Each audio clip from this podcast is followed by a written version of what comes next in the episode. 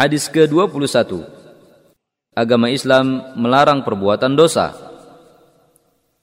عن عبد الله بن مسعود رضي الله عنه قال قال رسول الله صلى الله عليه وسلم ليس احد احب اليه المدح من الله من أجل ذلك مدح نفسه وليس احد اغير من الله من أجل ذلك حرم الفواحش Dari Abdullah bin Mas'ud radhiyallahu anhu ia berkata, Rasulullah shallallahu alaihi wasallam bersabda, tidak ada yang lebih cinta pujian selain Allah.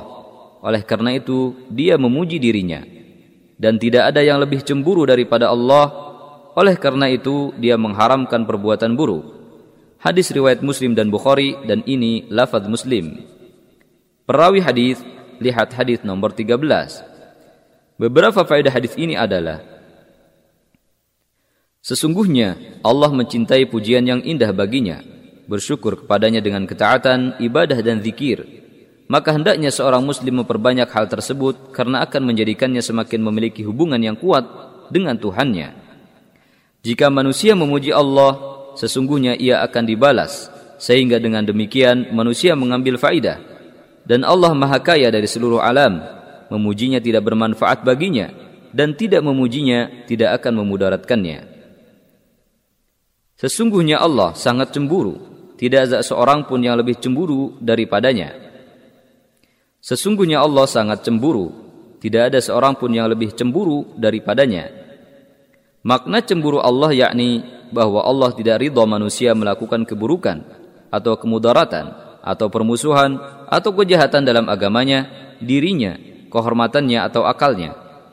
Oleh karena itu, Allah mengharapkan zina, pencurian, perampasan, riba, minum khamr, dan sebagainya yang termasuk keburukan serta kemungkaran. Jika pujian ditujukan untuk orang yang memiliki keutamaan, kebaikan, kebenaran dengan niat yang ikhlas, maka hal tersebut termasuk hal yang baik dan amal soleh sebagai pengakuan atas keutamaan dan orangnya. Jika pujian tidak benar sebagai basa-basi atau pujian bagi orang yang dikhawatirkan terkena fitnah ujub dan semisalnya ketika ia mendengar pujian maka tidak boleh dipuji sama sekali karena ia akan memudaratkan masyarakat serta meninggikan orang yang tidak memiliki kedudukan dan keutamaan. Oleh karena demikian, Rasulullah Shallallahu alaihi wasallam bersabda, "Idza ra'aitumul maddahin fahthu fi wujuhimut turab." Jika kalian melihat orang yang suka memuji, maka taburkanlah tanah ke wajahnya. Hadis riwayat Muslim.